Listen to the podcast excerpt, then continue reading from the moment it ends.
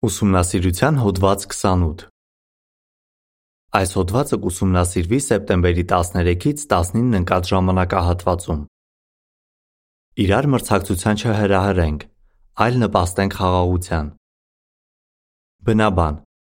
Եկեք չլինենք սնապարծ, իրար մրցակցության չհրահրենք և իրար չնախանձենք։ Գաղատացիներ 5:26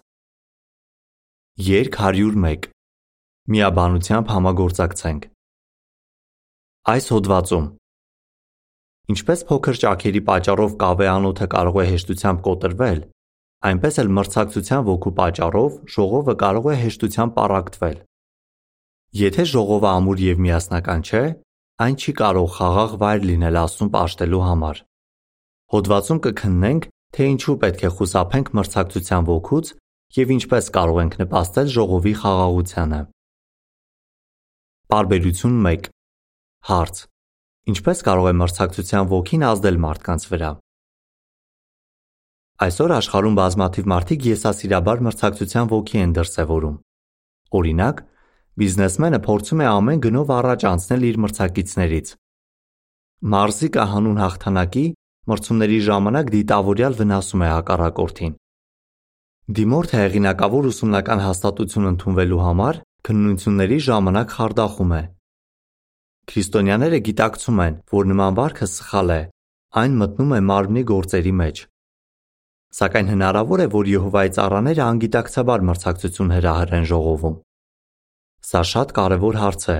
քանի որ մրցակցության ոգին կարող է ազդել ժողովի միասնության վրա։ Պարբերություն 2 Հարց. Ինչ ենք քննելու այս հոդվածում։ Հոդվածում կքննենք, թե որ բացասական հատկությունները կարող են պատճառ լինել, որ սկսենք մրցակցել մեր հավատակիցների հետ։ Նաև կիմանանք, թե Աստծո վաղեմի ծառաներին ինչպես է հաջողվել չտրվել մրցակցության ոգի դրսևորելու գայթակղությանը։ Բայց մինչ այդ եկեք տեսնենք, թե ինչն է մղում մեզ ծառայելու Աստծուն։ Քննիր մղումներդ։ Պարբերություն 3 Հարց. Ինչ հարցեր պետք է տանք ինքներս մեզ։ Ժամանակ առ ժամանակ լավ կլինի քննենք, թե ինչ մղումներով ենք ծառայում Եհովային։ Կարող ենք ինքներս մեզ հարցնել. Արդյոք իմ ինքնագնահատականը կախված է ուրիշների հետ համեմատվելուց։ Արդյոք ժողովում ինչ որ բան անելու իմ մղումը լավագույնը Երևալն է կամ գոնե մեկից առաջ անցնելը։ Թե պարզապես ուզում եմ իմ լավագույնն անել Եհովայի համար։ Ինչու են այս հարցերը կարևոր։ Տեսնենք, թե ինչ է ասում Աստծո խոսքը։ Պարբերություն 4 Հարց. Ինչու չպետք է համեմատվենք ուրիշների հետ, ինչպես հորդորում է Գաղատացիներ 6:3-ը եւ 4-ը։ Աստվածաշնչում ասվում է, որ չպետք է ուրիշների հետ համեմատվենք։ Կարդանք Գաղատացիներ 6:3-ը եւ 4-ը։ Եթե որևէ մեկը կարծում է, թե իրենից ինչ որ բան է ներկայացնում, մինչդեռ ոչինչ է, ինքն իրեն է խաբում։ Բայց ամեն մեկը թող իր գործը կշռի, եւ այդ ժամանակ ուրախանալու պատճառ կունենա իր անձի համար, առանց իրեն ուրիշի հետ համեմատելու։ Ինչու՞։ Համեմատվելով գուցե գանք այն եզրակացության, որ ուրիշներից ավելի լավն ենք։ Այդ դեպքում վտանգ կա, որ կհպարտանանք։ Մյուս կողմից սակայն, եթե տեսնենք, որ ինչ որ հարցում զիջում ենք ուրիշներին, ամենայն հավանականությամբ կվհատվենք։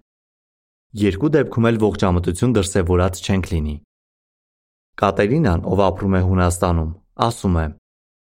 Ես սովորություն ունեի համեմատվելու նրանց հետ, ովքեր իմ կարծիքով ավելի գեղեցիկ էին, հմուտ էին ծառայության մեջ եւ շփվող։ Արդյունքում թերարժեքության զգացումով լցվեցի։ Մենք պետք է հիշենք, որ Եհովան ձգել է մեզ ոչ թե այն բանի համար, որ գեղեցիկ ենք, ճարտար լեզու ունենք կամ սիրված ենք շրջապատի կողմից, այլ որ ցանկացել ենք սիրել իրեն եւ հնազանդվել իր որդուն։ Պարբերություն 5 Հարց. Ինչ ենք սովորում Յոնի օրինակից։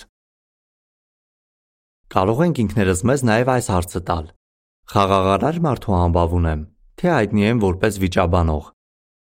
Տեսնենք, թե ինչ տեղի ունեցավ Յոն անունով մի երեցի հետ, ով ապրում է Հարավային Կորեայում։ Մի ժամանակ նա առանձնաշնորհում ունեցող եղբայրներին իր մրցակիցներ համարում։ Յոնն ասում է. Հաճախ քննադատում էի այդ եղբայրներին, եւ չէի համաձայնվում նրանց ասացների հետ։ Ինչ եղավ արդյունքում։ Նա պատմում է. Իմ վերաբերմունքի պատճառով ժողովը պառակտվեց։ Յոնի ընկերներից ոմանք օգնեցին նրան տեսնել իր խնդիրը։ Նա կատարեց անհրաժեշտ փոփոխությունները եւ այսօր սիրառատ երեց է ժողովի համար։ Եթե նկատում ենք, որ խաղաղության նպաստելու փոխարեն հակված ենք մրցակցելու, պետք է անհապաղ քայլեր ձեռնարկենք։ Չլինենք սնապարծ եւ նախանձ։ Բարբերություն 6 Հարց. Գաղատացիներ 5:26-ի համաձայն, որ բացասական հատկությունների պատճառով մեր մեջ կարող է մրցակցության ոգի զարգանալ։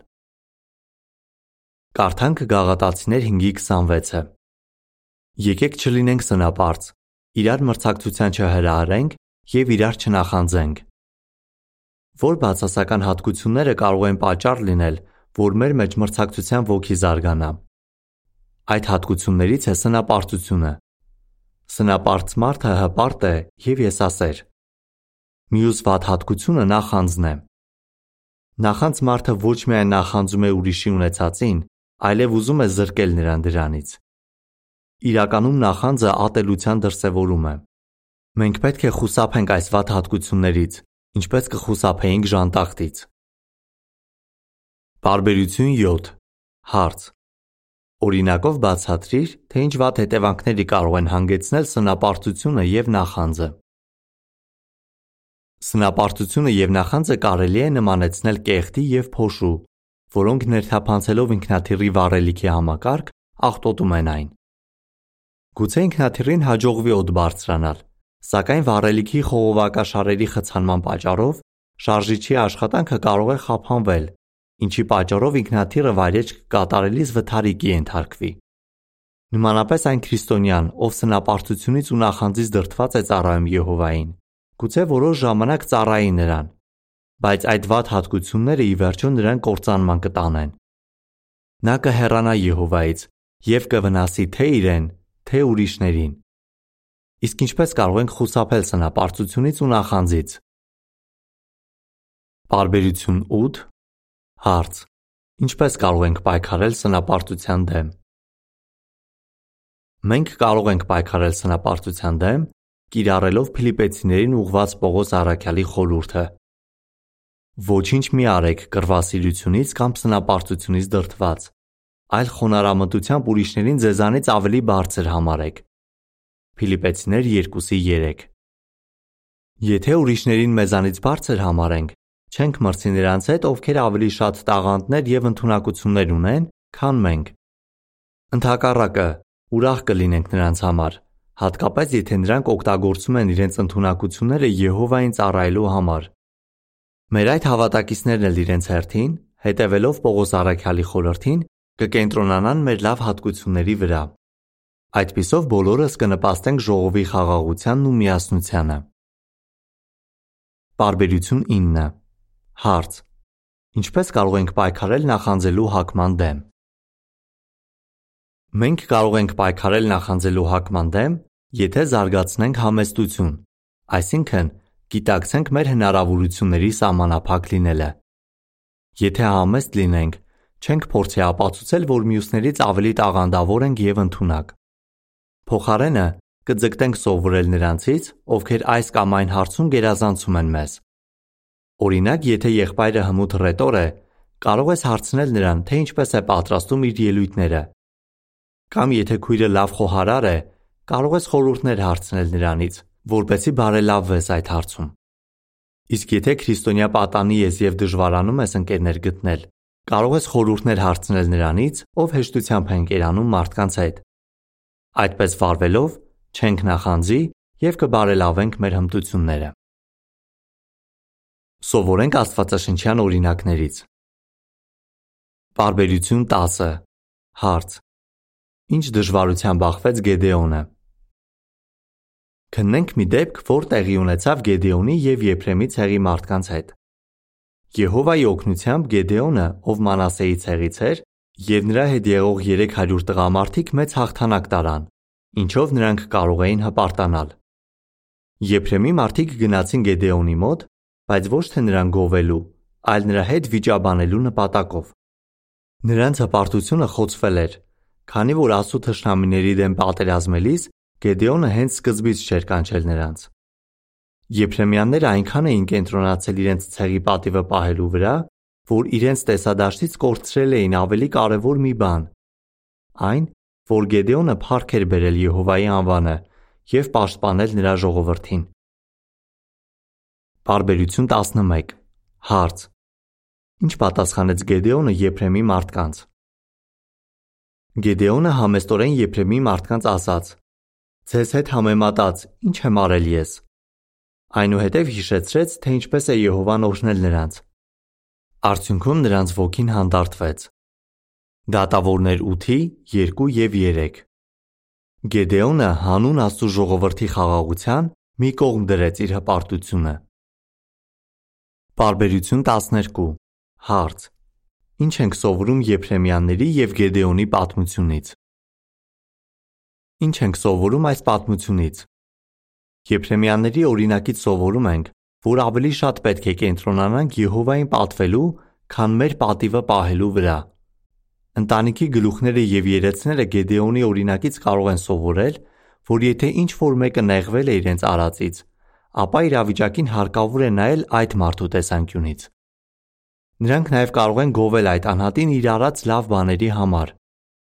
Ինչ խոսք, դա խոնարհություն է պահանջում, հատկապես եթե ակնհայտ է, որ դիմացինը սխալ է։ Սակայն շատ ավելի կարևոր է խաղաղ փոխհարաբերություններ ունենալ մեր քույրերի ու եղբայրների հետ,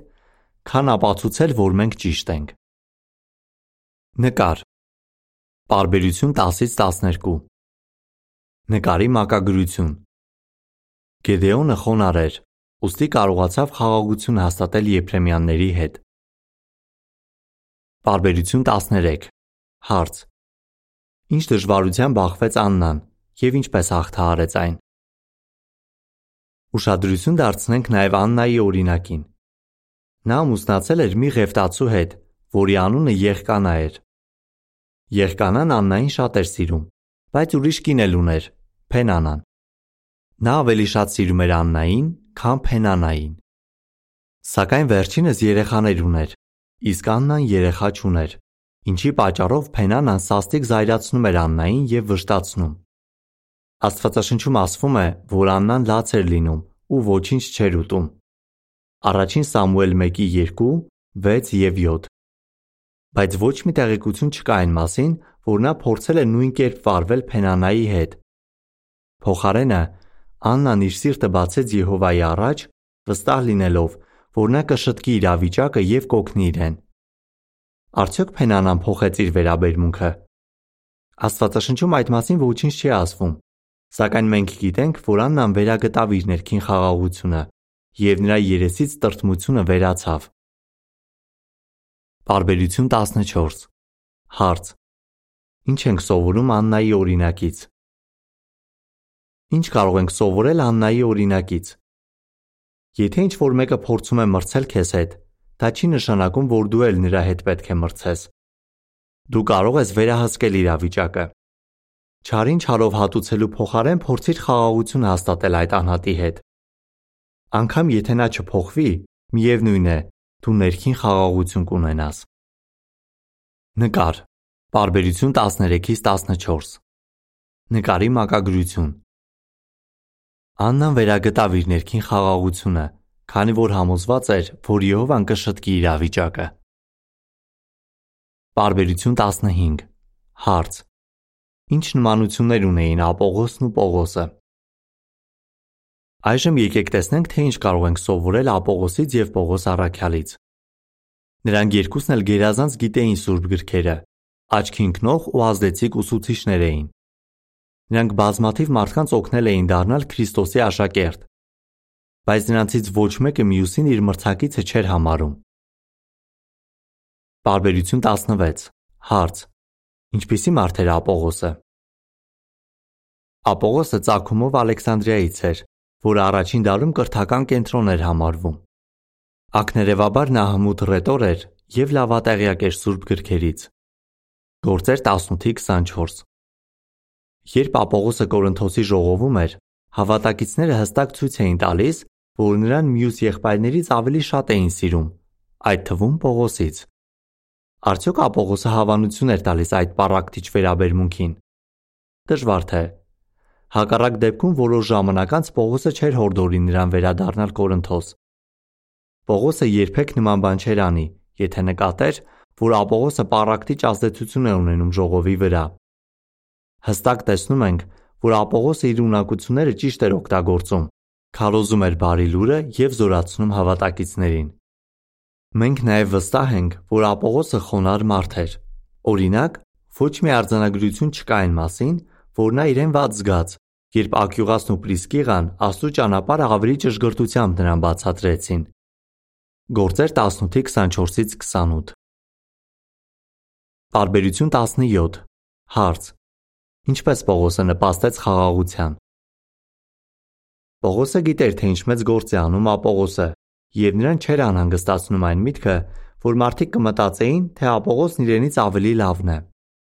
Կորինթացիներին տված Պողոսի խորհրդից երևում է, որ նա խոնար, համեստ եւ խոհեմ էր։ Երբ մարդիկ ասում էին «Ես Պողոսին եմ հետևում», նրան դա դուր չէր գալիս։ Փոխարենը Պողոսը մարդկանց ողջ ուշադրությունը ուղղում էր Եհովա Աստծու եւ Հիսուս Քրիստոսի վրա։ Առաջին Կորինթացիներ 3:3-ից 6 Բարբերություն 18 Հարց. Հաշվի առնելով առաջին Կորինթացիներ 4-6 եւ 7 համարները, ինչ ենք սովորում Ապողոսի եւ Պողոսի օրինակից։ Ինչ կարող ենք սովորել Ապողոսի եւ Պողոսի օրինակից։ Մենք գուցե շատ բան անենք Եհովայի համար եւ բազմաթիվ մարդկանց օգնենք հասնել մկրտության։ Սակայն գիտակցում ենք, որ այդ ամենը հնարավոր է միմիայն Եհովայի օրհնության շնորհիվ։ Պողոսի եւ Ապողոսի օրինակից եւս մեկ դաս ենք սովորում։ Որքան շատ պատասխանատվություններ ունենք ժողովում, այնքան ավելի մեծ է հնարավորությունը նպաստելու ժողովի խաղաղությանը։ Մենք շատ ենք ուրախանում, երբ նշանակում ունեցող եղբայրները նպաստում են ժողովի խաղաղությանը եւ միասնությանը, իրենց խորհուրդը հիմնելով Աստծո խոսքի վրա։ Հավատակիցների ուշադրությունը իրենց անձի վրա կենտրոնացնելու փոխարեն նրանք օգնում են ժողովին հնազանդվել Հիսուսին եւ հետևել նրա օրինակին։ Կարդանք առաջին Կորինթացիներ 4:6-ը եւ 7-ը։ Եղբայրներ, այս բաները իմ եւ Ապողոսի վրա օրինակ բերեցի ձեզ համար, որ մեր օրինակով սովորեք այս սկզբունքը։ Գրվածից այն կողմ մի անցեք, որպեսզի ձեզանից ոչ ոք չհպարտանա, մեկին մյուսից առավել համարելով։ Դու ինչով ես առավել մյուսներից։ Ունես մի բան, որ չես ստացել։ Եվ եթե ստացել ես, ինչու ես པարծենում, ասես թե չես ստացել։ Նկար. Պարբերություն 15-ից 18 Նկարի մակագրություն. Ապողոսն ու Պողոսը չէին մրցակցում իրար հետ, քանի որ հասկանում էին, որ Եհովայի օրհնության շնորհիվ է քարոշչական գործը առաջ գնում։ Պարբերություն 19 Հարց. Ինչ կարող է անել մեզանից յուրաքանչյուրը։ Աստված բոլորիս էլ տվել է ինչ-որ տաղանդ կամ ընդունակություն։ Մենք դրանք կարող ենք օգտագործել իրար ծառայելով։ Գուցե մտածենք, թե մեր արածը չնչին բան է, սակայն խաղաղության նպաստող փոքր բաները նման են կարերի, որոնք հագուստի տարբեր մասերը միացնում են իրար։ Ոստի եկեք ամեն ջանք թափենք, որ արմատախիլ անենք մեր միջից մրցակցության ցանկացած դրսևորում եւ մեր ձեռքից եկածն անենք, որ նպաստենք ժողովի միասնությանն ու խաղաղությանը։ Լրացուցիչ տեղեկություն Խուսափիր մրցակցություն հրահրելուց։ Մենք կարող ենք անգիտակցաբար մրցակցություն հրահրել ժողովում, եթե կարծիք արտահայտենք այն մասին, թե ով է լավագույն ռետորը, ով է ամենալավ մեկնաբանողը կամ ով է ամենահմուտ ռահվիրան։ Գուցե երեցներից մեկին համեմատենք մեկ այլ երեցի հետ, ում ունակություններով հիանում ենք։ Պետք է հիշենք, որ նրանք էլ են անկատար։ Ոստի եթե մի երեցի անընդհատ համեմատենք մյուսի հետ, Նա գուցե իր եղբորը սկսի մրցակից համարել։ Դա կարող է պառակտել ժողովը։ Կրկնության հարցեր։ Ինչ կպատասխանես։ Ինչու պետք է քննենք մեր մղումները։ Ինչպես կարող ենք խուսափել մրցակցություն հրահրելուց։ Ինչ սովորեցիր Գեդեոնի, Աննայի, Ապողոսի եւ Պողոս Արաքյալի օրինակներից։ 280 Ճաշակեք եւ տեսեք, որ Եհովան բարի է։ Հոդվացի ավարտ